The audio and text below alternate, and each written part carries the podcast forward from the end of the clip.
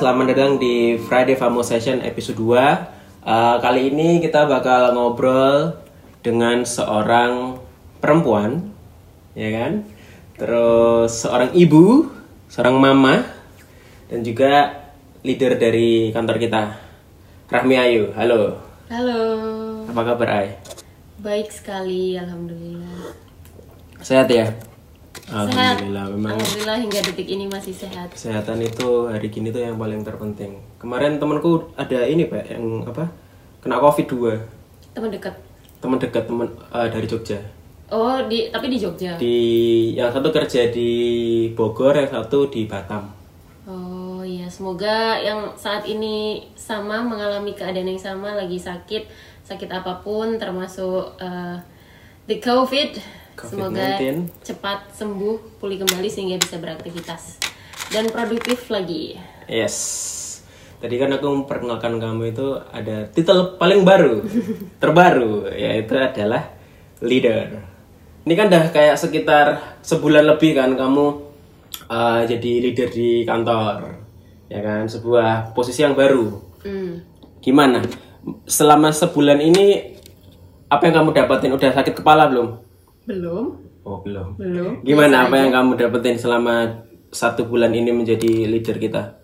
Sebenarnya kalau kamu pertanyaannya menjadi leader itu bukan hal yang baru sih, Bi. Menjadi leader, tapi menjadi eh business owner itu yang lebih lebih baru sebenarnya memimpin sebuah bisnis itu yang baru. Soalnya kalau jadi leader mungkin udah udah banyak lumayan pengalaman eh Udah pernah ya? Ya di mana-mana sebenarnya udah udah sering gitu loh untuk jadi leader. Jadi memimpin sebuah grup itu bukan hal yang baru, cuman eh, yang menantang itu lebih ke karena kalau bisnis berkaitan dengan cuan ya, Cuan. itu sih. Mm-mm. Terus gimana soal ya itu kan bisnis itu kan cuan itu sudah pasti. Terus eh, gimana yang kamu rasakan nih nge-manage anak-anak yang yang nakal-nakal di kantor?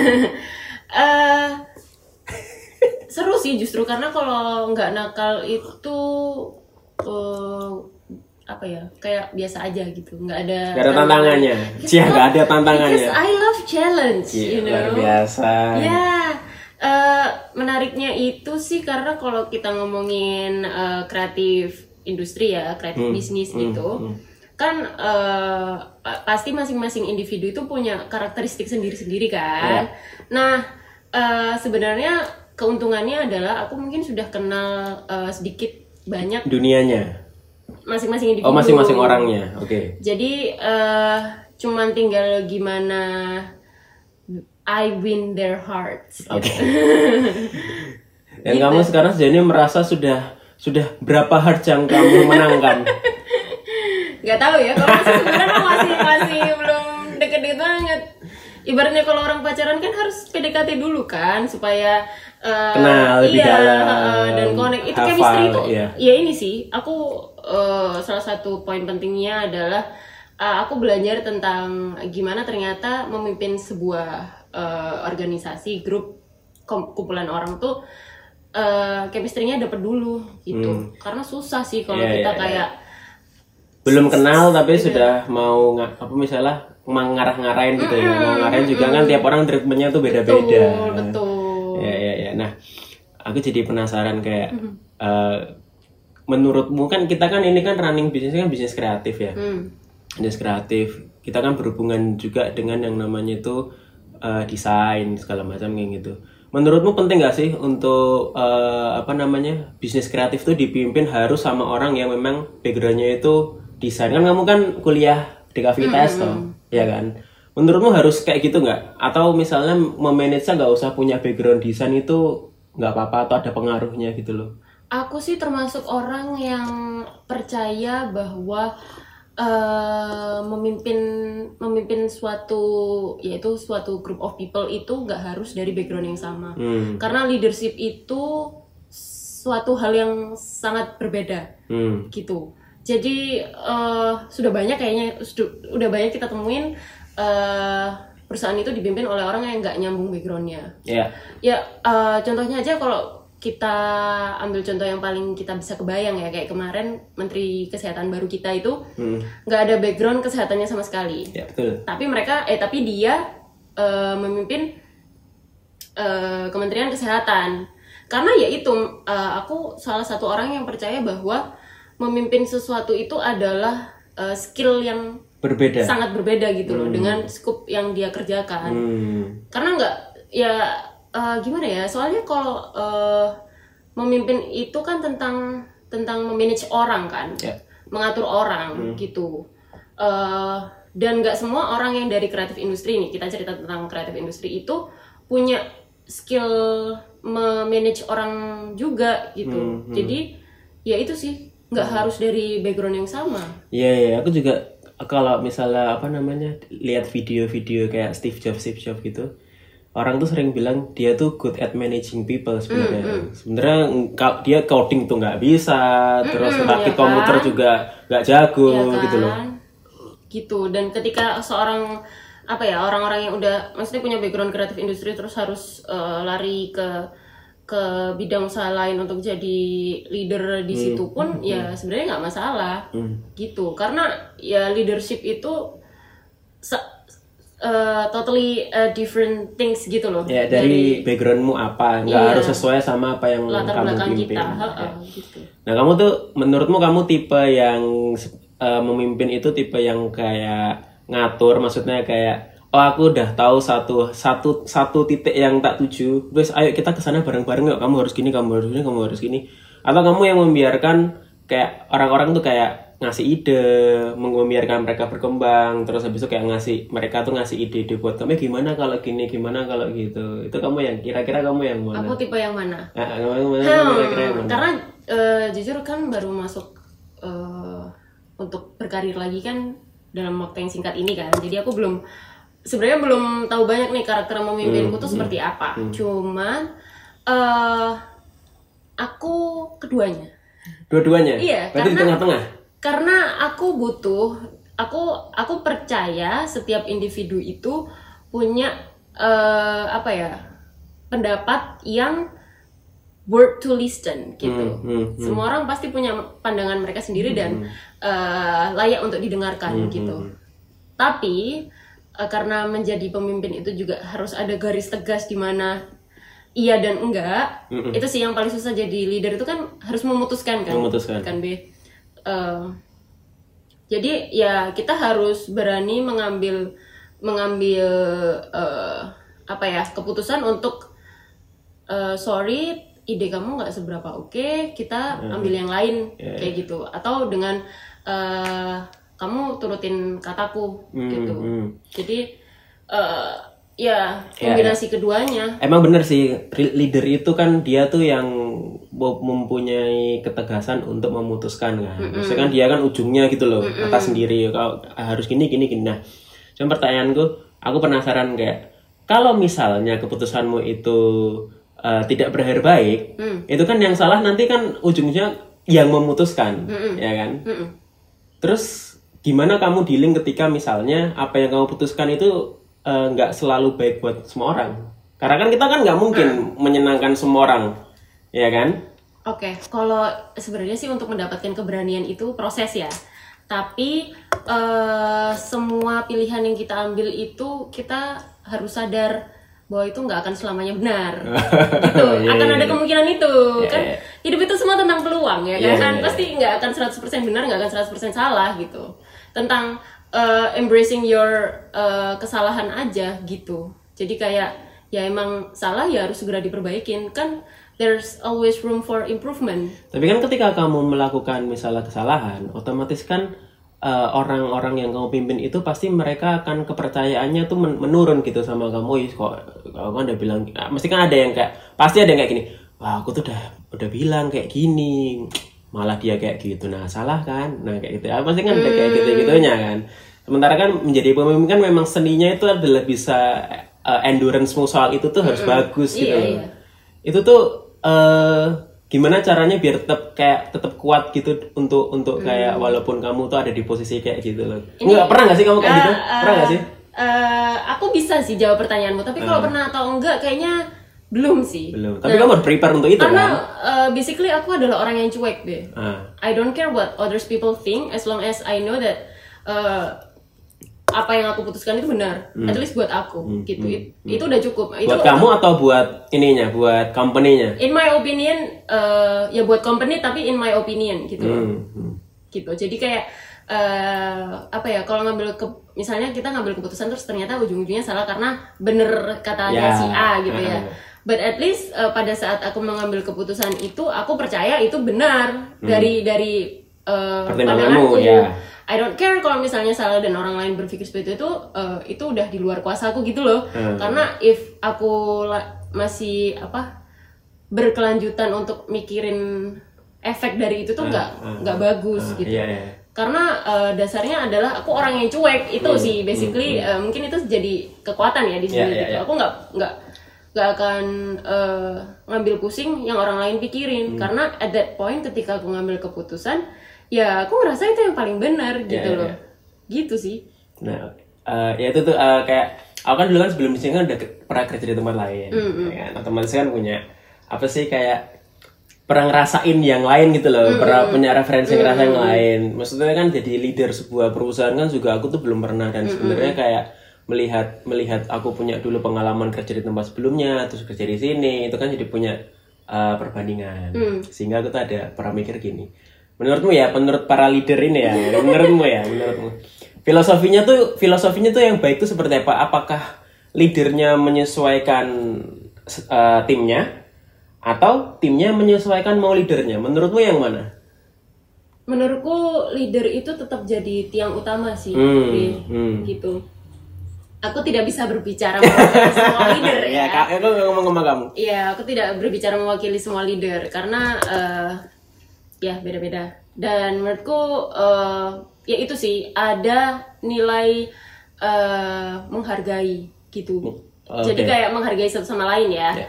Karena eh, men- menurutku orang Indonesia juga belum punya eh, apa ya nilai apa ya skill untuk menghargai orang itu segitunya gitu. hmm. Tapi ketika kita bisa menghargai seseorang, itu tuh kayak you got peacefulness gitu loh. Kayak kamu nggak akan terlalu eh, bermain sama amarahmu. Hmm, hmm. Misalnya kayak eh yaitu aku akan menghargai kamu sebagai eh, anggota timku. Anggota tim pun harus menghargai pemimpinnya yang akan eh, mengeluarkan keputusan apa pun. Karena mau nggak mau sebenarnya yang paling tahu how the business running luar dalamnya eh, tujuan utama bisnis ini terbangun apa.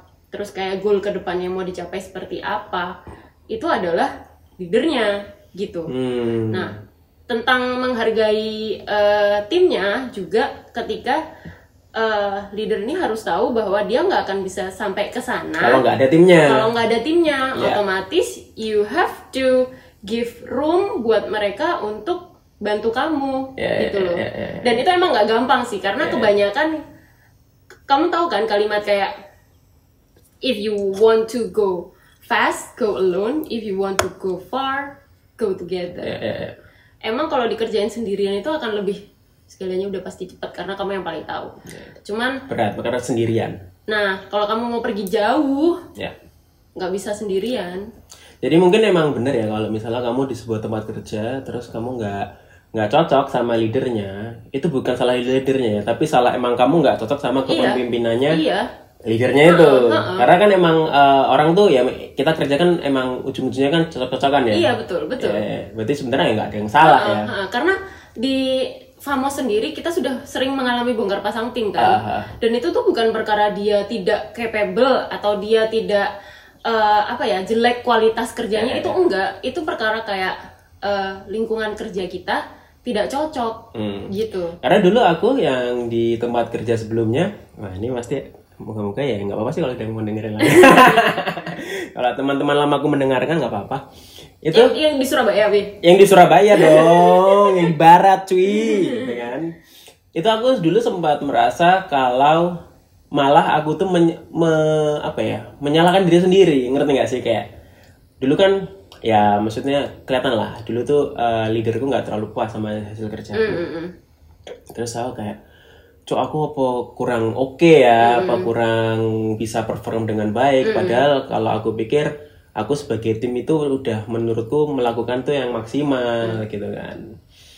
Nah terus habis itu ya itu ya nah perjalanan juga mungkin uh, untuk uh, tim itu memang nggak semua tim itu cocok sama semua leader. Jadi nggak selalu nggak selamanya kalau kalau misalnya nggak cocok itu kamu yang underperform atau leadernya yang yang apa ya istilahnya atau atau leadernya tuh yang jahat atau apa gitu. Itu nggak nggak kayak gitu. Emang simply nggak cocok berarti dan harus out gitu ya Iya, iya, iya. kayak gitu sih Hmm, ka- karena pun leader kan juga dia dipengaruhi juga sama kayak sifat aslinya tuh kayak gimana, makanya karakternya tuh kayak gimana dan segala macam. Iya, iya, itu ada benernya sih. Mm-mm.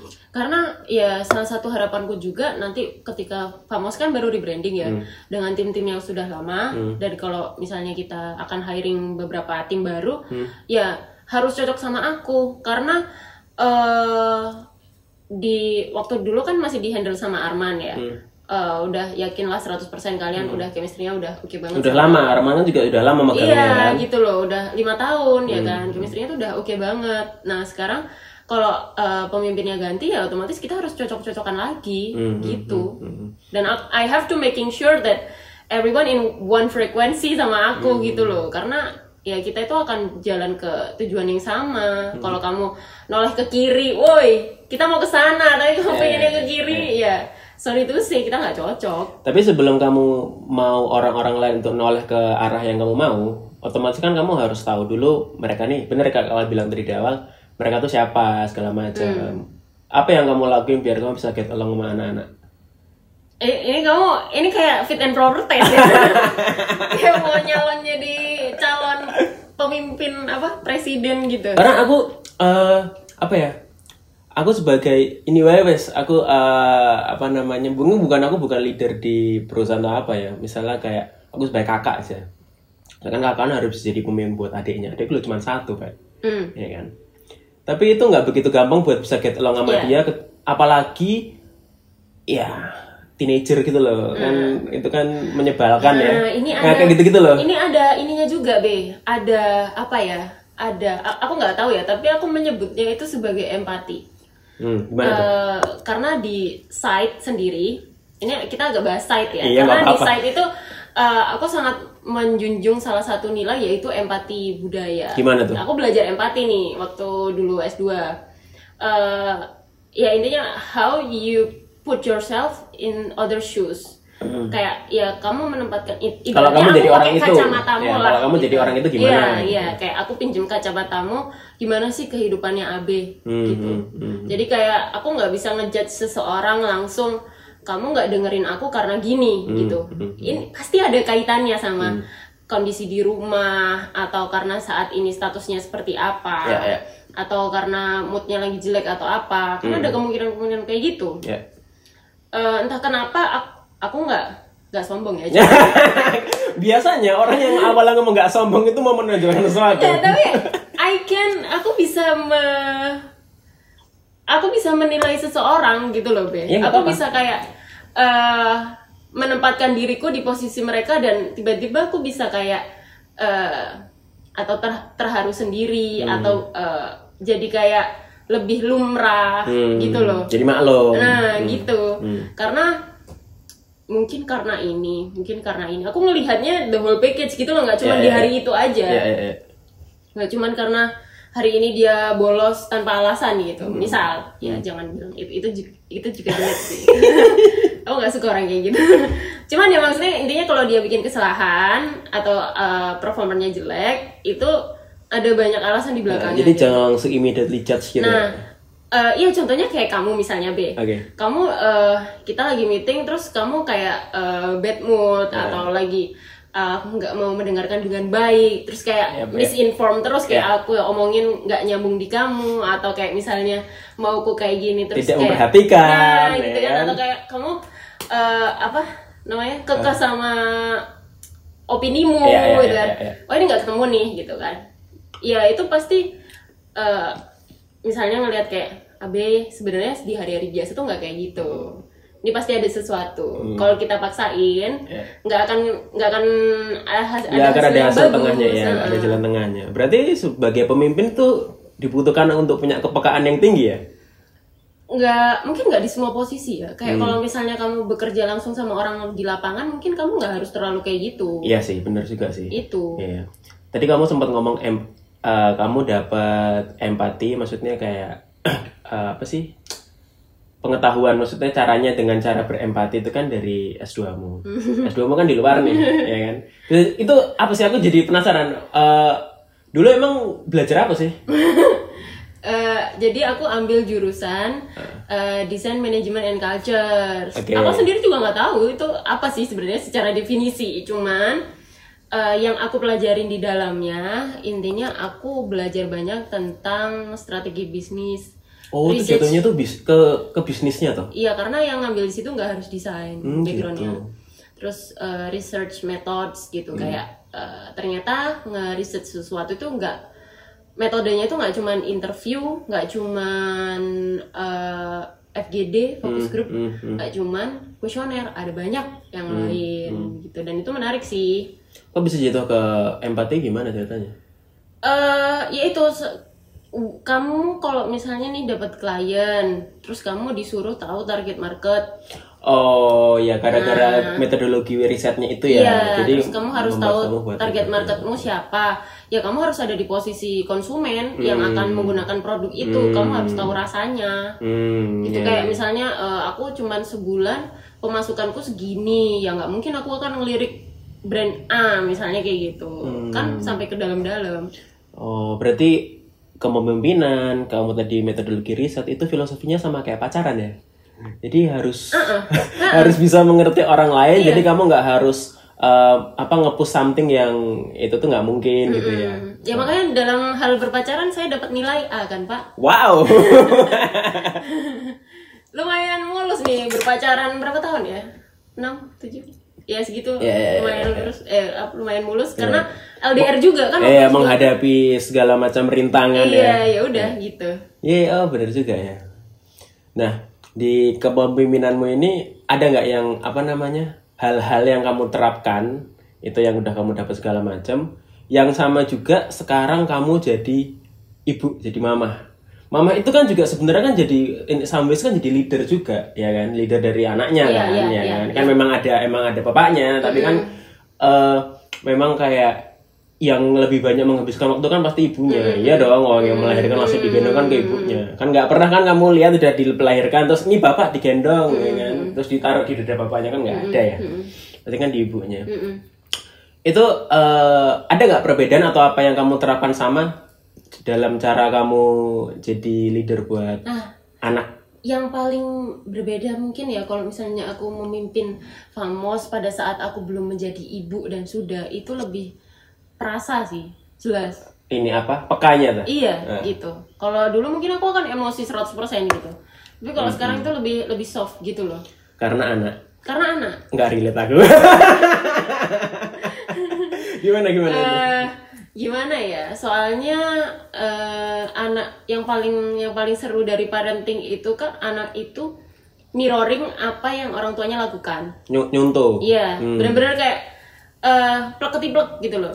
Iya. Kayak misalnya eh kamu akan suka ngomong kotor, nih anak mau nggak mau akan langsung copy gitu. At the Iya, same time. kayak blank canvas terserah kamu mau isi Terus apa kayak gitu kalau eh, cara kamu memanage anger, memanage emosimu, Oh. ketika kamu langsung marah, maksudnya menghadapi sesuatu kamu marah ke dia, dia pun akan begitu ke Oh, iya, sesuatu iya, ketika iya, dia iya. eh, bete dia akan langsung emosi yang gimana gitu. oh gitu jadi bener-bener ngopi plek-plek Iya, gitu kan? iya. Oh. Makanya anak tidak jatuh jauh dari, Dari pohonnya. Iya, karena itu emang proses anak segampang ketika kita pengen anak kita jadi baik, eh, ya kita harus berperilaku baik gitu. kira-kira sebelum kamu punya anak terus sekarang udah punya anak dan kan semuanya kan dicontoh nih sama anak Mm-mm. itu seberapa besar kamu menekan menekan emosi menekan Hmm. kebiasaanmu yang biasanya itu gede nggak sih Nah ini B, ini sebenarnya eh, apa ya? Mungkin pada ya yang kayak kita eh, belum. Aku mau ngomong apa lagi? Eh, gimana ya? Maksudnya ketika aku punya anak, maksudnya perubahan-perubahan yang terjadi di hidup Eh, aku eh, eh, secara cepat ini, Eh. itu eh, membuatku punya waktu yang sangat sedikit untuk adaptasi, Beradaptasi, ya. gitu kayak tiba-tiba udah loh udah ada anak gitu. Sopo iki ya? anaknya udah gede gitu kan Eh, itu yang bikin aku nggak emosiku nggak stabil. Kayak Hmm. lebih sumbu pendek gitu loh. Hmm. Eh, waktu aku awal-awal ngelahirin itu tuh bener-bener em, apa ya aku menolak semuanya gitu. Kayak I hate the world gitu. Ah, I hate my condition gitu. Oke. kayak aku nggak nggak bersyukur gitu. Bukan nggak bersyukur. Itu karena juga dipengaruhi badanmu juga yang sakit apa iya gitu. enggak enggak enggak. Eh, lebih ke ya tanggung jawabku yang lebih-lebih gitu loh karena kalau punya Oh. anak itu kan kamu nggak ada waktu istirahat ya bi Ah. maksudnya nggak ada waktu me time itu lebih sedikit gitu loh Iya, iya, iya. karena ya udah abis aja gitu nggak ada waktu untuk mikirin diri sendiri gitu Semua buat anak semua iya ya. jadi kayak waktu untuk self love itu sangat sedikit sedangkan aku orang yang eh, bisa dapat kekuatan healing moodku baik Recharge, ya kan? Ketika aku jalan-jalan ke mall sendirian Oh, kamu yang kayak gitu. Ah, Oke. aku tuh kayak gitu selalu harus kayak pergi ke mall sendirian nggak tahu pokoknya apalah sendirian gitu Wah, berarti aku sangat nyaman gitu Kontradiktif banget ya ini kalau pas ketika kamu punya anak. Nah, nah ke mana-mana kan harus sama anak gitu Hmm, kan. Terus kayak eh, awal-awal dulu melahirkan nggak ada mbak yang bantuin gitu. Jadi Oh, iya. benar-benar sendirian. Aku harus belajar parenting sendirian gitu loh. Sedangkan aku punya eh, apa ya imajinasi eh, the ideal life of me being a mom and being a career woman gitu kan. Yeah, yeah. Kayak itu nggak ada gitu loh. Kayak eh ya aku harus dealing sama itu gitu loh itu sih yang eh, apa ya cukup Challenging. eh, eh, bikin aku emosi tuh kayak apa apa salah gitu apalagi ya, ini kita agak bicara lebih dalam lagi ya apalagi ketika aku melihat pasangan yang eh, suami gitu ya yang tetap eh, kayak hidupnya itu kayak nggak berubah gitu loh padahal udah punya anak gitu. Iya, oke, oke. Iya, karena iya. kan eh, kalau kalau wanita itu kan dia yang hamil dia harus cuti eh, cuti melahirkan. Terus dia harus belajar menyusui. Iya, benar-benar. dia harus belajar cara mendidik anak. Iya, benar-benar. dia harus mencari tahu cara eh, eh, apa itu? Empati ngasih makan anak seperti apa yang baik. nutrisinya. Iya, terus habis itu cara ngomong ke anak belum lagi nanti mainan yang tepat itu kan aku harus belajar semuanya Dan kita dari kecil tuh nggak diajarin ya. Maksudnya nggak ada guidebooknya gitu. Atau udah dicemplungin Nah, aja ke situ. nah itu tuh aku kayak eh, ber ber ber Adaptasi. ber Oh, apa struggle, struggle di dalam dirimu Ya, itu. iya, ah. iya, kayak gitu. Oke. Kayak bertempur sendiri gitu loh. Kayak mana version of me yang bahagia itu nggak ada. Iya gitu sih, iya bener juga sih. Dulu tuh ada yang bilang gini kalau misalnya bedanya perempuan sama laki-laki itu perempuan hamil aja dia yang ngerasa jadi ibu. Mm-mm. Tapi buat bapaknya, bapaknya lah masih bisa ke mana-mana ya kan? Nah, kayak gitu kan. Iya. Gitu. Terus kayak misalnya ibaratnya sekarang nih pulang kantor langsung sampai rumah megang anak. Yes. Terus kayak eh ya udah, kamu kan langsung switch mode gitu loh. Langsung dari eh, leader at the office langsung jadi ibu di dalam rumah gitu. Dan harus gimana caranya kayak bonding antara aku dan anakku tetap terjaga. Dan dan eh, aku kan agak ambis ya orangnya maksudnya ambis itu anakku pengennya anakku pengen jadi gini nih gitu kan. nah kamu- ada banyak stepnya yang harus aku lalui misalnya Ya, di ya. tahap seperti ini. Dian lagi umur sat, sat 18 bulan harus aku kasih mainan apa yang cocok.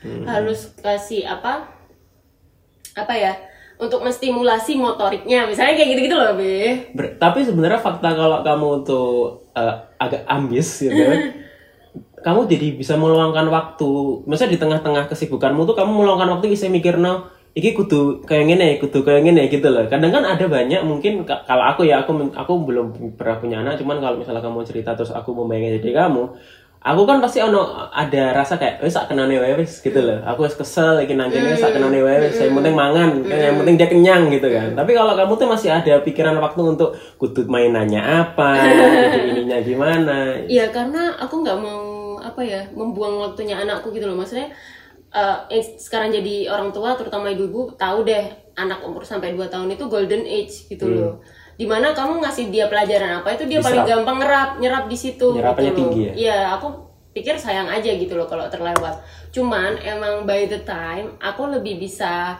eh, legowo gitu loh apa adanya maksudnya ya udah you you cannot be a perfect mom however Hmm, gitu even kamu tetap jadi ibu rumah tangga pun ya nggak nggak ada. Ibu yang sempurna tuh nggak ada gitu Hmm, loh justru dengan kamu berdamai dan legowo untuk eh, apa untuk ya udah sebisanya aja gitu. Dia nggak akan kehilangan dia nggak akan kehilangan image ibu kok gitu loh. Si ini Bian maksudnya. Iya anakku, karena aku kan besar dengan ibu yang eh, bekerja sebagai ibu rumah tangga ya kan. di rumah terus. Iya, aku nggak pernah merasakan absennya ibuku gitu Ya, loh. ya, aku ya, ngerasa kayak aman gak ya, gitu loh. Aman gak ya kalau misalnya aku bekerja dan anakku eh, tumbuh eh, ya aku ada missing time-nya gitu loh, kayak gitu ya. Aku harus making sure dulu lah makanya eh, ya aku harus banyak baca-baca dulu. Aku tuh orangnya yang lebih bisa diyakinkan dengan membaca Iya, iya. sendiri dan Iya, melihat faktanya gitu loh daripada yang kata orang gitu. Jadi ya emang makanya di rumah pun juga ada eh, ya panduan parenting gitu loh. Iya iya, yang emang itu tertulis maksudnya yang ada bukunya, ada ada ada guidance-nya gitu. Iya, dan sekarang tuh udah canggih banget kan. Maksudnya eh, ilmu-ilmu parenting tuh udah banyak banget dan menurutku masuk akal gitu loh di logik aku. Iya iya. Ja- Jadi eh, di rumah dulu berapa kali Arman nyaranin sesuatu yang kamu tolak berarti?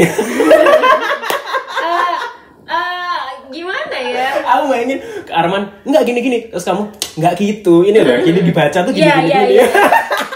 Iya, iya, iya, iya. Kayak gitu sih kadang nggak apa ya lebih ke kayak kalau kasih tahu Bian nggak kayak gitu kayak gini gitu. oh kenapa anak ini tuh gini tuh karena lagi masanya gitu anak-anak eh anak ada masanya ketika anak itu eh, lebih suka ngebongkar makanan eh ngebongkar mainan daripada nyusun ibaratnya Lego nih. Dia nggak bisa nyusun. Tapi nak bongkar seneng. iya jadi kamu susunin terus dia emang lagi fase ngebongkar gitu loh. Itu emang ini eh, memang maksudnya fasenya gitu, bukan memang kan dulu kan anak tuh suka berantakin barang apa segala Iya. macam. Kan itu dimarahin Iya, kalau nggak nah, nyusun. kayak gitu. Eh, emang ada fasenya. Fase dia Oh. suka bongkar-bongkar. Nanti juga ada fase di mana dia itu nggak nggak bisa sharing playing misalnya ada temen terus kayak Oh nggak mau bagi. nggak mau bagi gitu ya ada Jangan dia dong, eh, bagi dong. fase mainan sendiri tuh ada Ya ya ya. ya makanya itu daripada kita keburu panik kan mending kita baca dulu Ini belajar Iya. dulu. Ya mungkin yang yang yang emang penting sih apa namanya untuk nge-improve diri kita sendiri pas ada perubahan ya. Kalau mungkin dengan cara baca apa segala macam. Tapi juga nggak tahu ya kayak su- aku kan saudara-saudara kan beberapa juga ada yang udah punya anak dan segala macam. Itu tuh kayak ngalir aja ngerti nggak sih? Nggak ngerti lah itu dari teori dari mana. Kayak ngalir ya wes itu tadi kita bilang itu yang penting makan kenyang makan kenyang makan kenyang gitu loh. tapi sebenarnya pun di zaman dulu kan belum ada ya Instagram Iya dari mana informasi yang mereka dapat gitu Kalau kan? ibuku aku nanya ya, itu dari majalah Ayah Bunda. Eh, iya ben, eh, dulu mamaku juga itu langganan tuh majalah bunda biasa covernya ibu hamil. Nah, itu dari situ sebenarnya B. Hmm, hmm, hmm. Nah, karena aku merasa eh, parenting ibuku walaupun tanpa eh, ya advance knowledge kayak sekarang itu itu sebenarnya udah selaras, udah ya emang sesuai gitu loh dan eh, oh ternyata dulu bener juga ya kayak gini orang tua ngajarin kita kayak gini ternyata ada maksudnya walaupun ya mungkin kalau zaman dulu lebih ke ke kepercayaan budaya gitu Iya, kan iya. kayak tradisi Iya, iya. kayak gitu gitu kan sama dari orang turun temurun dari Nah, orang tua. gitu kan. Iya, Ya, iya. ternyata ternyata emang ada benernya dan ada yang enggak juga sih gitu Terus sekarang kamu punya anak ya, yang kamu yang kamu paling takutkan apa ya ke anakmu? Maksudnya kamu takut dia kalau apa gitu loh? Ada nggak sih? eh apa ya be yang lebih takut apa-apa sih. Sebenarnya takut semuanya sih sebenarnya. Cuman eh ya kayak misalnya dia jatuh takut ini takut tapi percaya aja. Eh, kamu pengen anakmu jadi mandiri Ah. kamu harus bikin apa ya kamu harus ngedidik dia punya eh, kekuatan untuk survive di dunia ini gitu. Kamu nggak akan bisa ngekang dia yang gimana gimana gitu. Karena ya suatu saat tujuan kamu gedein dia adalah untuk dilepas di reality ini yang serba kacau ini gitu loh kalau misalnya kita apa-apa takut emang kamu mau dia nanti gede jadi Iya, iya, iya. manja klingi sama kamu terus iya, apa-apa iya. harus kamu Iya. selesaikan kan kamu nggak mau Hmm. itu sih jadi kayak eh ya as long as I know base-nya kayak aku punya jawaban dari Yeah. ketakutanku itu fine. Ya, eh, apa? Kita kan seumuran ya seumuran. Kita kan punya generasi orang tua yang yang begitulah ya kan. Dan aku rasa semua anak generasi kita tuh pasti eh, ya mungkin nggak persis tapi gesekan sama orang tua tuh ada karena perbedaan generasi. Maksudnya kayak orang tua kan selalu pengen gini gini gini tapi pasti kan anaknya kan nggak selalu 100% nurut kan. Pasti kan dia kayak punya aku pengen nentuin jalanku sendiri atau segala segala macam. Nah mumpung kamu orang tua baru dan aku ini penasaran Iya, iya, ya oke, kan? oke. Eh, kamu punya ekspektasi untuk anakmu tuh harus jadi kayak gimana nggak? Dan kalau mis dan itu sejauh apa ekspektasimu, sedangkan kamu tahu kamu sendiri menjadi anak itu kan enak kalau dibebasin, Mm-mm. ngerti nggak? Mm-mm. Itu gimana kamu dealing soal itu gitu loh? Eh, Sorry, sementara anak itu kan titipan memang, cuman kan itu kan kamu pasti sense of belongingnya sangat gede Iya, iya, banget. iya. Sekarang aku aja gambar seneng gambarnya kalau gambarnya minta misalnya ada orang misal, oh ini jelek ganti warnanya aku emosi kok, ya kan? Gimana kalau ini ada manusia lagi gitu yang yang punyamu gitu loh. Nah ini ilmu parenting ya Bea. Oke. Aku share ya, karena aku lumayan sering share sharing sama kakakku dan adikku. Adikku emang belum punya anak, tapi dia eh, ambil psikologi, Oh, iya, jadi lumayan nyambung gitu kalau sharing. Dan eh, mbakku ini juga lumayan eh, antusias belajar parenting, Parenting. awalnya gitu. Terus eh, kalau menanggapi itu, aku pengen anakku ya kayak yang tadi aku bilang, anakku harus mandiri gitu. Karena aku ngerasain aku ini termasuk orang nih yang eh, takut ketemu hal baru gitu. Hmm. Nah, dan apa-apa harus dibayang-bayang orang tua gitu loh. Kayak aku termasuk yang kayak gitu sebenarnya Ya, ya, ya. gitu. Aku nggak pengen eh, anakku seperti itu. Aku pengen anakku melihat dunia ini seluas-luasnya gitu. Tapi kan itu kan in, in a way kan sebenarnya bertolak belakang. Maksudnya kamu pengen kamu takut, tapi kamu pengen anakmu melihat dunia. Padahal kalau kamu biar anakmu melihat dunia, pasti kan kejadian sesuatu. Masih ngerti nggak sih? Kamu kan nggak bisa nggak bisa jamin itu akan aman 100%, tapi kamu Iya. punya ketakutan. apa ya kalau aku sih sebenarnya nggak terlalu takut yang gimana sih B ya itu. Intinya aku adalah pengen anakku mandiri. Maksudnya dia bisa tahu apa yang dia pengenin Mhm. dan dia kejar gitu. Sebagai orang tua kan kita cuman bisa eh apa ya memaparkan gitu loh. Ini loh eh, kalau kamu mau ke sini ha- harus ada ini ini ini. Eh, kalau kamu mau ke mengarahkan ya? kamu ada ini ini ini.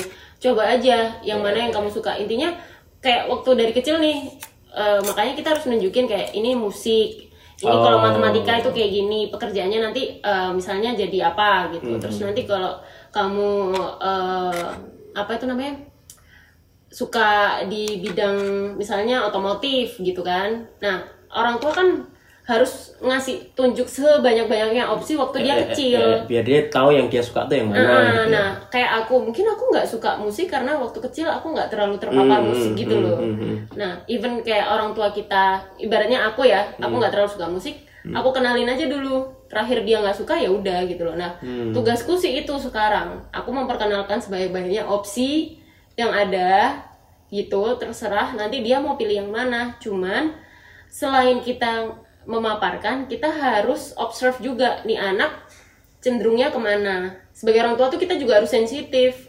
Hmm.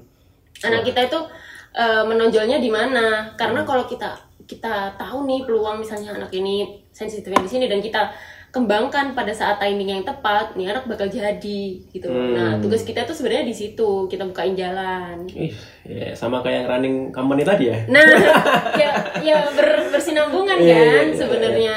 Iya, iya berhubungan. kayak gitu dan eh, makanya aku nggak pengen dia yang terlalu eh, apa ya dibayang-bayang orang tua terus gitu loh Hmm. dan aku mengerti bahwa eh, ketika misalnya nih kayak kamu bilang anak ini aku yang gedein aku yang hamil aku yang ngasih makan aku Iya, yang duitin Pasti dia kan sampai ada gede.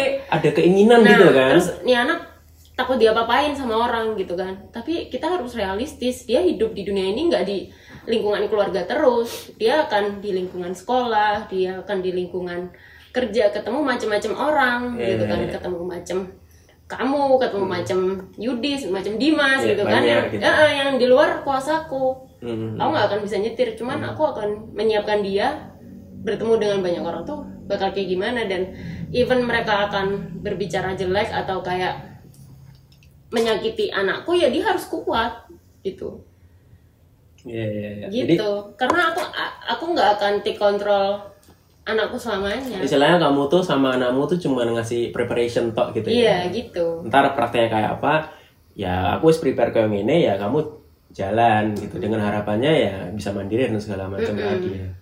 Iya sih. tapi once again ya eh, ini kan Bian masih baru belum dua tahun ya. Iya, iya, iya. perjalanan masih panjang. Iya, iya, at least that's my vision gitu. Iya. Dia baru 2 tahun. Ngomong-ngomong 2 tahun, banyak banget eh, temenku apa apa saudaraku yang punya anak kecil. Itu ya sebenarnya aku juga ngelihatnya agak kurang suka tapi aku nggak tahu besok kalau aku punya anak tak giniin juga nggak ya? Soal eh, dikasih gadget biar anteng. Hmm. ya kan? Menurutmu gimana?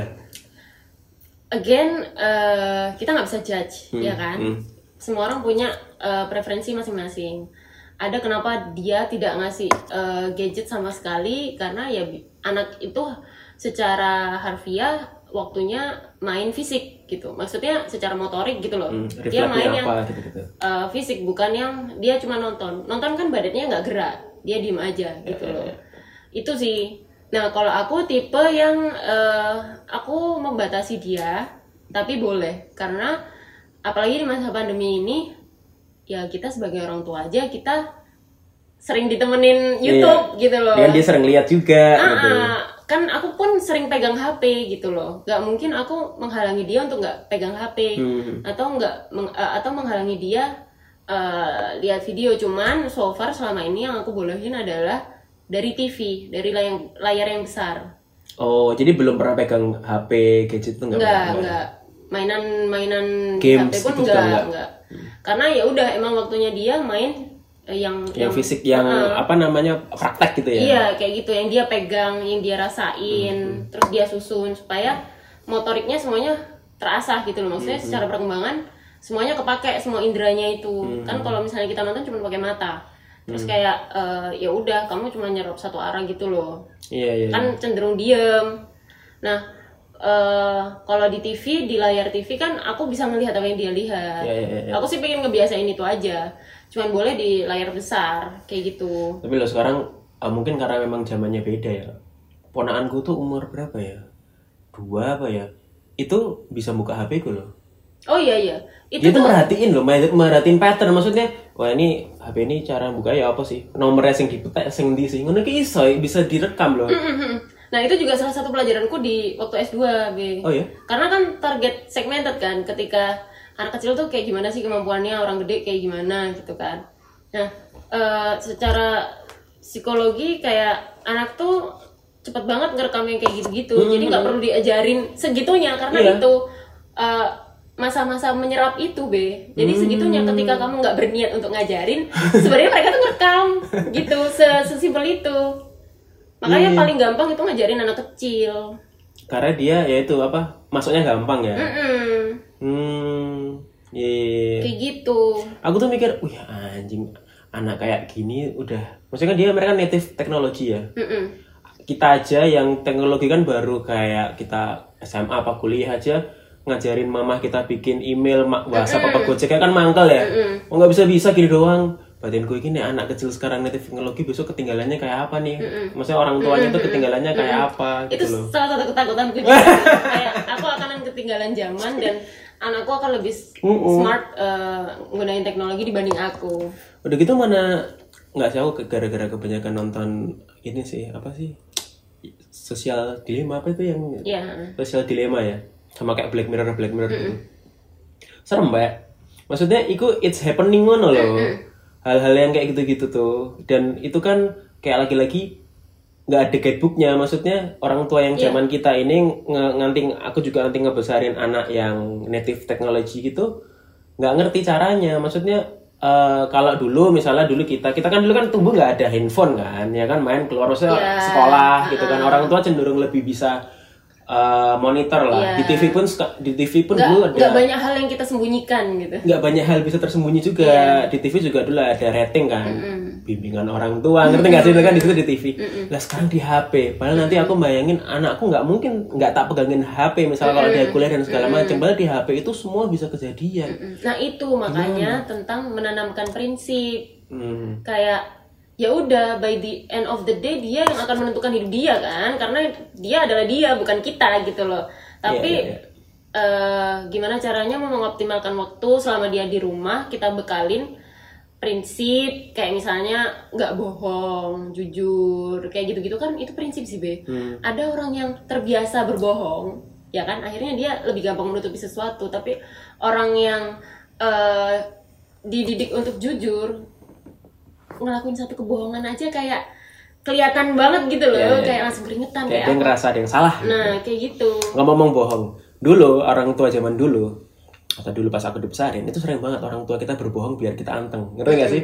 Ke- ber- kebohongan untuk kebaikan anaknya biar anaknya. Nah, gimana kalau kalau kamu? enggak anak itu sama kayak orang dewasa sebenarnya pola pikirnya maksudnya ketika kita Iya, iya. menjelaskan sesuatu Dia dengan seada-adanya dia tuh paham kayak adik eh, eh, kayak adik kayak ponakanku oh dia tuh pinter banget Eh, kayak logikanya tuh udah main Be. Oh iya bener bener. karena Iya, iya, sebenarnya iya, ya iya. ya kita kasih tahu aja sesungguh-sungguhnya gitu loh nggak usah ditakutin kayak nanti ada apa kita lebih sering kayak nanti kalau nggak mau makan dimarahin pak polisi kayak kamu nggak mau makan nanti tak eh, panggilin dokter buat disuntik kayak gitu gitu kan nggak masuk Iya, akal iya. emang dokter bakal datang di waktu yang sama Aku pernah aku pernah cerita nih uh, ada kenalan gitu kan. Jadi dia tuh cowok kan dia tuh punya anak.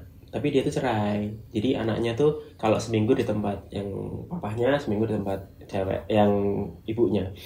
Nah, papahnya dia punya ini ya, punya gebetan ceritanya. Punya gebetan terus kan dia chatting tuh, chatting-chatting gitu kan. Yang-yangan gitu loh, yang-yang segala macam. Suatu saat itu tadi HP-nya tuh dibuka sama anaknya.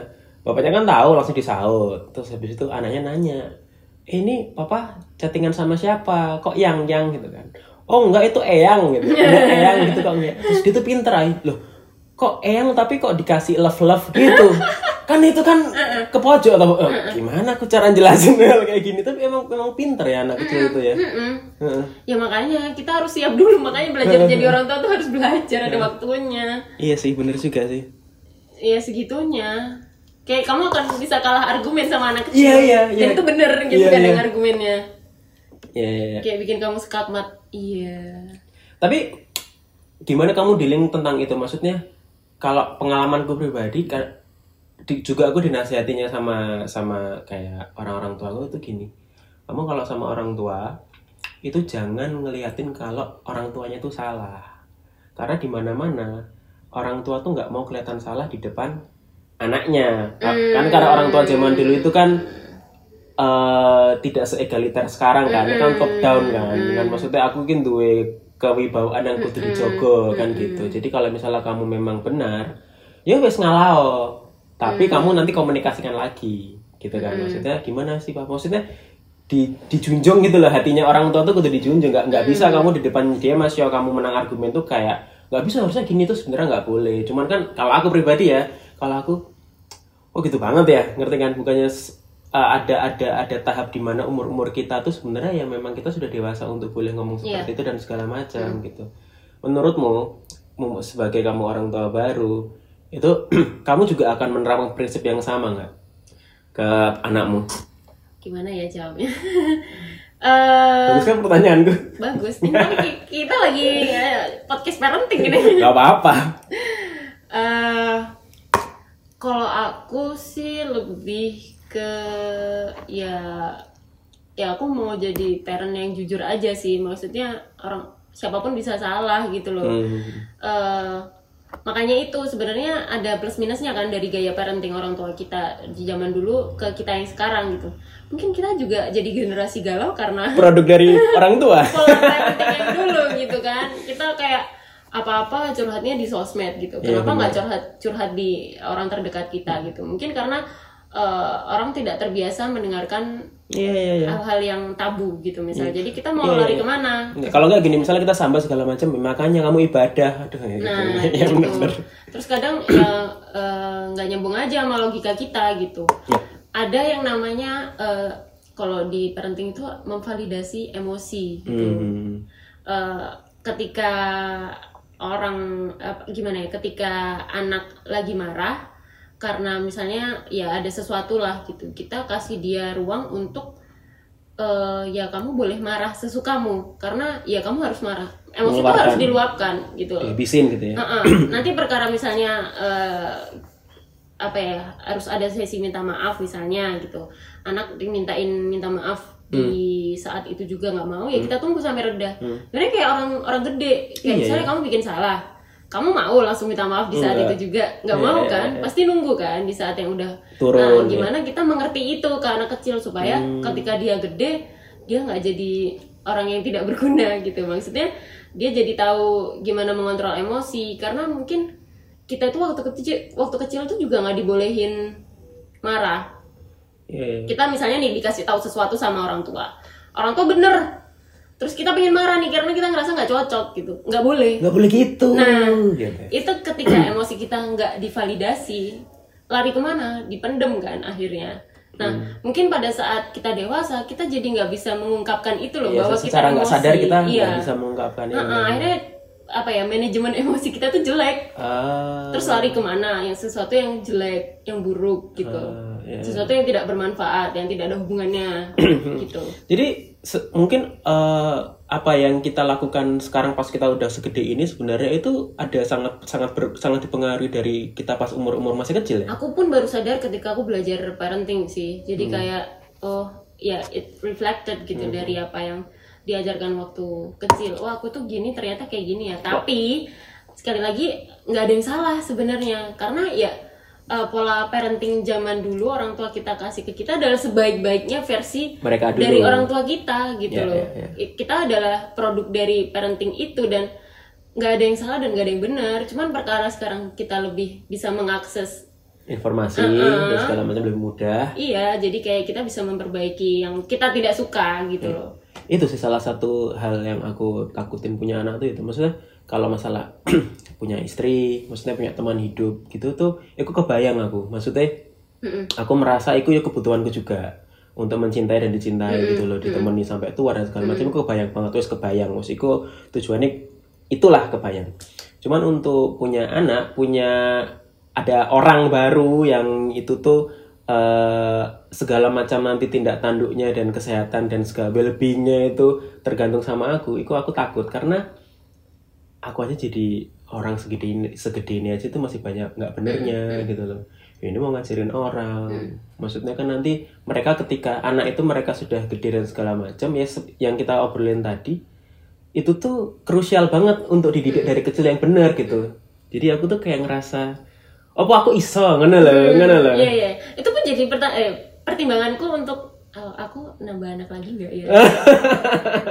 Karena ya kalau orang dulu mungkin banyak anak banyak rezeki, tapi kalau eh, aku secara logika ya banyak anak juga banyak beban kali. dulu itu orang bilang banyak anak banyak rezeki itu filosofinya tuh ternyata gini aku kok Gimana, baca di mana ya? Jadi di Indonesia ini kan negara agraris ya kan? Orang semua banyak kan nggarap sawah. Petani. banyak anak barang rezeki itu makin kamu banyak anak lah zaman dulu kan anak kan nggak perlu sekolah nggak perlu Hmm. Itu berarti zaman dulu zaman dulunya banget. eh, itu tuh anaknya kenapa banyak rezeki karena yang garap sawah jadi banyak panenmu jadi lebih banyak dan segala macam itu filosofinya ternyata kayak gitu Nah, dan itu udah sangat dan tidak itu relevan. usang sekali kalau sekarang Iya, banyak anak banyak rezeki itu Ya mungkin banyak yang doakan gitu. Iya, Boleh. mungkin. Gitu. Bisa. Terus nanti di masa tua banyak yang menemani Iya, iya, iya, gitu iya. mungkin. Oke ya aku nggak tahu cuman ya ya itu sih. Jadi satu anak aja itu eh, menurutku anak tuh investasi sih. Maksudnya hmm.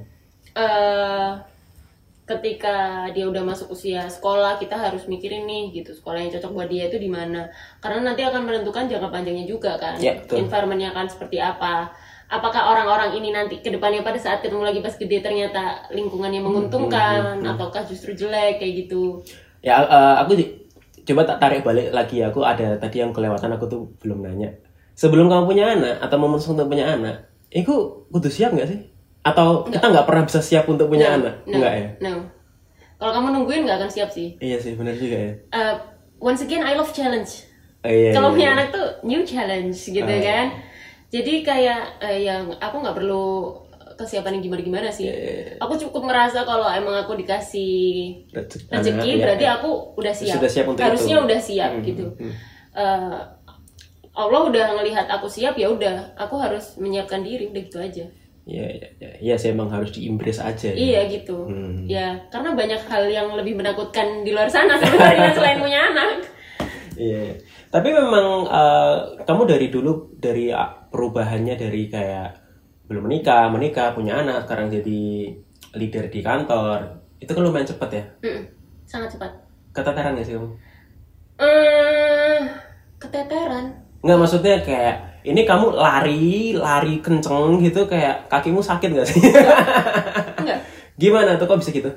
Mm, I love challenge Apa kemampuan adaptasimu tuh eh, sangat bagus sehingga kamu tidak merasakan ada kesusahan untuk setiap perubahan? aku nggak tahu ya Be tapi eh, kayak di videonya Famos aku Oke. juga baru sadar bahwa I don't like a constant flow karena aku tuh orangnya bosenan Eh, kalau rutinitasku gitu-gitu aja setiap hari sama terus Hmm, gitu hmm. aku nggak suka Hmm, jadi memang perubahan itu justru malah mungkin yang ngisi bensinmu tuh perubahan ya. iya aku butuh untuk Ah, motivasi. ah, gitu. Iya, jadi iya, kayak pengen bikin sesuatu yang baru pengen nemu sesuatu yang baru biar termotivasi. Kamu pernah nggak sih mikir uh, what actually drive your motivation in life gitu? Yang bikin kamu happy terus tuh apa Eh, itu pertanyaan bagus ya. Eh, karena itu maksudnya selama 2020 itu give me time untuk benar-benar berpikir "A- aja nih yang bikin aku Iya, iya, bener, happy bener. setiap hariku opo sih karena kan aku di rumah be Eh, aku berkutat dengan anakku Hmm. ya itu sih yang ka- karena aku tetap eh aku sering down gitu loh kayak tiba-tiba ada hari di mana aku nggak pengen jalanin aja gitu hmm, Kayak- gimana mungkin? iya jadi kayak kok nggak seru banget sih hidup ini gitu Oh, loh karena kamu mikir ini kok biasa aja Mm-mm. segala macam. Oh iya. iya gitu Oh, wow, menarik sekali. terus jadi aku aku akhirnya aku kan sering ya maksudnya aku sering sharing diskusi sama suami dan aku tuh bertanya terus kayak aku lapor lagi kalau aku udah nemu jawaban gitu misalnya Hmm. eh doh karena aku biasa manggil udo ya doh aku akhirnya tahu yang bikin aku termotivasi setiap hari itu apa Eh, aku belajar Belajar hal baru. Belajar hal baru. Oh. Oh. gitu karena aku berasa aku tuh paling hobi kalau aku tuh berasa kayak oh aku tahu ini kenapa gitu Anu apa? Puas ya? iya gitu Oh. jadi ketika aku di situasi di mana tidak mengharuskan aku untuk belajar sesuatu yang baru ya aku akan biasa bosan. aja. Bahkan cenderung malah kayak males gitu ya. iya aku akan jadi justru orang yang sangat-sangat pemalas Hmm, mak, hmm, itu menjawab kenapa ketika kamu punya anak, walaupun kamu merasa harus menekan emosi dan segala macam, tapi kamu perform dengan baik. Maksudnya kamu sediain waktu belajar dan segala macam, segala macam gitu ya. iya mungkin ya Iya, aku nggak iya, iya mungkin Ah, ah, berarti kamu udah siap punya anak lagi ya? Nggak apa-apa lah. oh iya amin deh Apa pun yang dilempar ke kamu, kamu punya caranya iso. Iya, gitu. kan harus gitu nggak sih, Be? Kayak aku nggak ngerti ya, kayak kamu main game. Ya. Kamu pengen nggak sih nyelesain challenge itu supaya naik level selanjutnya? Ah, tapi kalau capek bisa di pause soalnya. Ah, gitu ya. kadang tuh kalau aku mikir ada dua kadang memang di dalam hidup itu ada yang memang kita harus bisa selalu beradaptasi selalu bisa menyelesaikan masalah semua yang dilempar sama kita ada lagi yang emang wes itu nggak usah dihindari wes telan aja ngono loh Mhm. udah tuh emang nggak ada nggak selalu harus ada solusinya nggak selalu Ya. nggak selalu harus bisa dimaklumi nggak harus selalu kita happy jalaninya udah telan aja wes gerundal aja di dalam tapi ya emang gitu gamenya Iya, karena ya ini ada istilah kan, eh, ketika ada badai di depan, kamu nggak bisa menghindari, kamu Iya, harus iya. melewati itu. Iya iya iya. Tapi yang didapat setelahnya adalah apa yang kamu pelajari setelah melewati Ah, badai itu. Iya iya. iya. Itu tuh kayak eh, apa what doesn't kill you make you stronger. Iya, iya, gitu. iya, iya, iya, iya. itu sih karena m- mungkin ya aku sudah cukup mm, punya cobaan-cobaan dalam hidup yang menurut aku udah parah gitu maksudnya Ah, eh oh ini tah hidup itu Hmm, ngono. hmm, itu aku wis melewati itu aku aku rasa seperti itu Hmm. jadi kayak ketika nemu challenge yang baru apalagi di lingkungan yang suportif maksudnya aku sama suami juga satu frekuensi kan. Hmm. jadi kayak bisa bisa ini bisa kelewat gitu. Ya tapi semoga aja ya nggak ada nggak ada eh, apa tuh cobaan yang melebihi kemampuan Enggak lah, kan sering orang kan sering bilang eh, Tuhan tidak akan memberikan cobaan di luar kemampuan. tapi kita nggak pernah tahu. Karena kemampuan, karena ketika ada coba, gini, eh, ketika ada cobaan yang menurut kita susah, ya itu benar kamu bilang. Kita pasti menyelesaikan dan punya skill baru jadi punya skill baru jadi naik kelas gitu loh. Jadi ya memang semuanya itu pasti bisa dijalani. Oh, jadi positif sekali podcastnya. Nah, tapi B, eh, menurutku yang paling membantu juga ketika eh, aku lagi eh, apa ya, maksudnya waktu-waktu terberatku, Ah. itu aku menemukan eh, sesuatu yang ya ini saran dari suamiku juga gitu. Kalau kamu lagi penat, lagi sumpek, kamu harus eh, meluangkan waktu untuk hobimu, untuk kesenanganmu. Jadi balance gitu loh Ah. antara ya itu working dan play itu bareng. Harus Cuman aku tuh bukan tipe yang doyan main game gitu. Aku bukan ekstrovert yang suka ketemu orang Ah. gitu. Aku harus menemukan eh apa ya kesukaanku tuh sebenarnya apa gitu. Ah. Dan ketika aku ma- eh, parenting, aku tuh jadi lebih bisa ngeramut barang. Nah makanya aku sekarang eh, menemukan kesenanganku dengan mengoleksi tanaman. Oh iya benar gitu. Jadi eh, itu benar-benar tadi kayak- kamu habis beli ya? Habis beli ya? Tadi ada gojek datang ke rumahmu bawa di depan bawa tanaman tinggi. Ah ini di, di, go, di gojek no pak? Iya.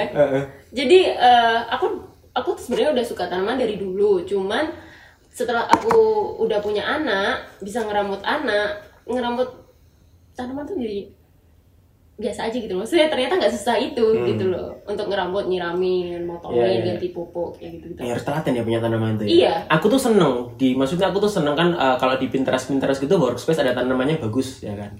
Heeh. Dulu tuh aku sempat eh, milih kan, set memutuskan beli kaktus karena kaktus kan katanya kan nggak harus sering disiram segala macam. Oke beli kaktus bagus tuh bentuknya taruh di meja buat kerja ya kan.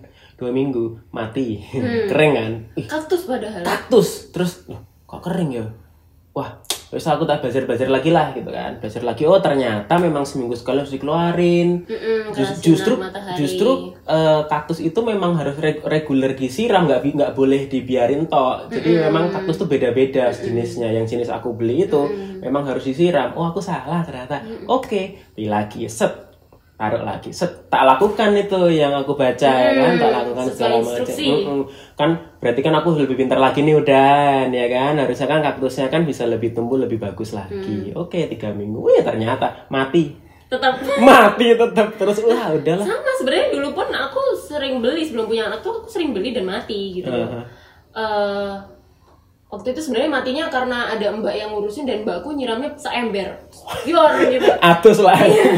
Makanya terus nggak bertahan lama. Nah itu aku sempat nggak nggak pengen lagi punya koleksi tapi setelah sekarang justru di saat aku harus bekerja harus merawat anak Hmm. eh, ngeramut tanaman itu jadi escapeku healing ya? Iya jadi lebih terapeutik gitu loh. Lebih efeknya lebih seperti itu. Ya ya ya, ya. jadi ketika aku bangun tidur dan aku lebih memilih untuk mengurus hijauku dulu Oh, sebelum iya, aku iya, melakukan iya. aktivitas itu lebih balance gitu loh hidupku. Iya, iya, iya. nggak langsung ke sesuatu yang bikin stres. Karena jujur sebagai ibu-ibu itu eh, memikirkan sarapan pagi itu itu tuh udah stres duluan be. Gitu. Jadi larinya kan biasanya langsung ke HP nih. Hmm. scrolling slow scrolling gitu. Nah eh, apa ya optionku mengurus adalah tanaman. dengan mengurus tanaman gitu. Siram-siram semprot-semprot gitu. Berarti nggak heran ya kayak nenek- nenek-nenek kita segala macam itu itu apa telaten banget ngurus Iya. tanaman ya? Iya karena udah kayak temen gitu loh be. Heeh. ngelihat dia tumbuh lo ada yang mati satu. Eh aku loh tanamannya di rumah dia coba ngomong wek iya nah itu kan juga ada ininya kan katanya eh, kalau ada mitosnya kalau misalnya kita ngajak ngomong tanaman tanamannya akan tumbuh subur karena dia akan mendengarkan kata baik Iya, daunnya dilus-lus, terus dia mau di, diajak ngobrol, batinku, ih ngapain? Tapi ya itu happy ya yang gue gitu. tapi aku belum sampai ke situ sih Ya, itu tuh kayaknya another level orang expert tanaman sih. Iya. Ah, iya. Ya emang sih, aku juga sering baca sih karena tanaman itu bisa jadi self healing juga buat orang-orang. Mm-mm, mm-mm. apalagi orang perkotaan Ya, ya, ya. ya. karena eh, selain emang ngelihat hijau itu bikin eh, apa ya apa itu stress relief Ya, stress relief betul. juga eh, ngelihat karena kan tanaman itu makhluk hidup ya Ya. dia tumbuh berkembang terus kamu anakin lagi di pot lain Iya. itu achievement juga ada apa sih nurture-nya ya? Iya gitu, kayak kamu belajar oh ternyata dia nggak bisa kena panas terlalu banyak. Oh gini cara propagatingnya, cara memperbanyaknya gini. Eh berhasil, seneng, ada kesenangan lagi di situ. iya iya iya. Jadi nggak, eh, aku menemukan cara untuk nggak selalu tergantung menggantungkan hiburanku di HP. HP iya sih emang attention consuming banget sih HP itu. Iya, cuman ya memang aku masih gitu, bukan yang eh, orang suci yang akan eh, meng- mengurangi penggunaan HP, mengurangi sosmed itu aku belum bisa. iya iya iya iya. Nah, salah satu cara ngimbanginnya dengan nge ya ngechannel Heeh, teman heeh, gitu. iya iya iya iya, aku juga aku tuh cuman seneng eh, ininya seneng jadinya maksudnya seneng liatnya loh kalau ngerawatnya tuh belum bisa dan aku gara-gara cactus itu yang tadi tak ceritain sekarang solusiku tuh eh, ngerawat tanaman plastik beli di S hardware. Eh, di di informa tanaman plastik. Wah akeh nang kosku Oh iya, dulu aku plastik. pun sempet kayak gitu di fase kayak daripada nyiramin mending beli palsu. yang penting looknya dapet lah tapi Iya, tetap aja nggak sebagus kalau tanaman asli. Iya, iya. Kali di kamarmu cahayanya kurang kali deh. kan sebenarnya cahaya kurang bisa dikeluarin maksudnya bisa apa telaten. Aku tuh nggak telaten nggak Sebenarnya telaten enggak eh, intinya kamu harus kenal sama tanamanmu dulu sih. iya sih Jadi kayak karakteristiknya aja dulu. Habis itu nggak nggak perlu yang terlalu nggak harus yang terlalu rutin dikeluarin, terlalu rutin disiramin, terlalu rutin untuk diganti pupuknya gitu enggak.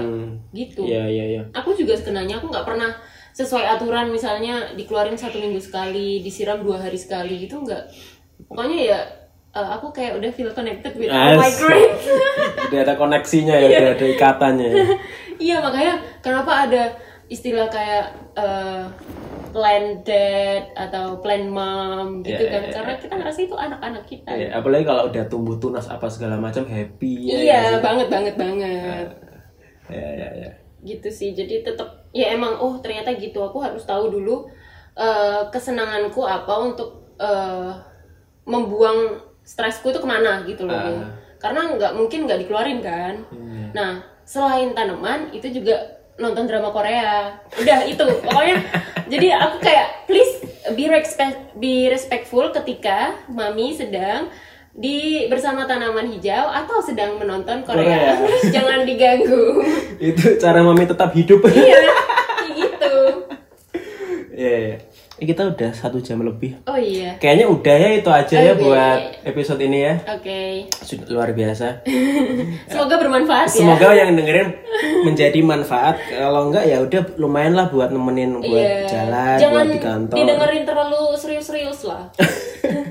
Ya udah mungkin eh, itu aja dari kita eh, kali ini. Selamat da- eh selamat datang. Kok selamat datang? Salah aku. Eh, sampai berjumpa. sampai berjumpa kembali nanti hari Jumat di episode selanjutnya di Friday Famo Session terima kasih yang udah dengerin semuanya. Dah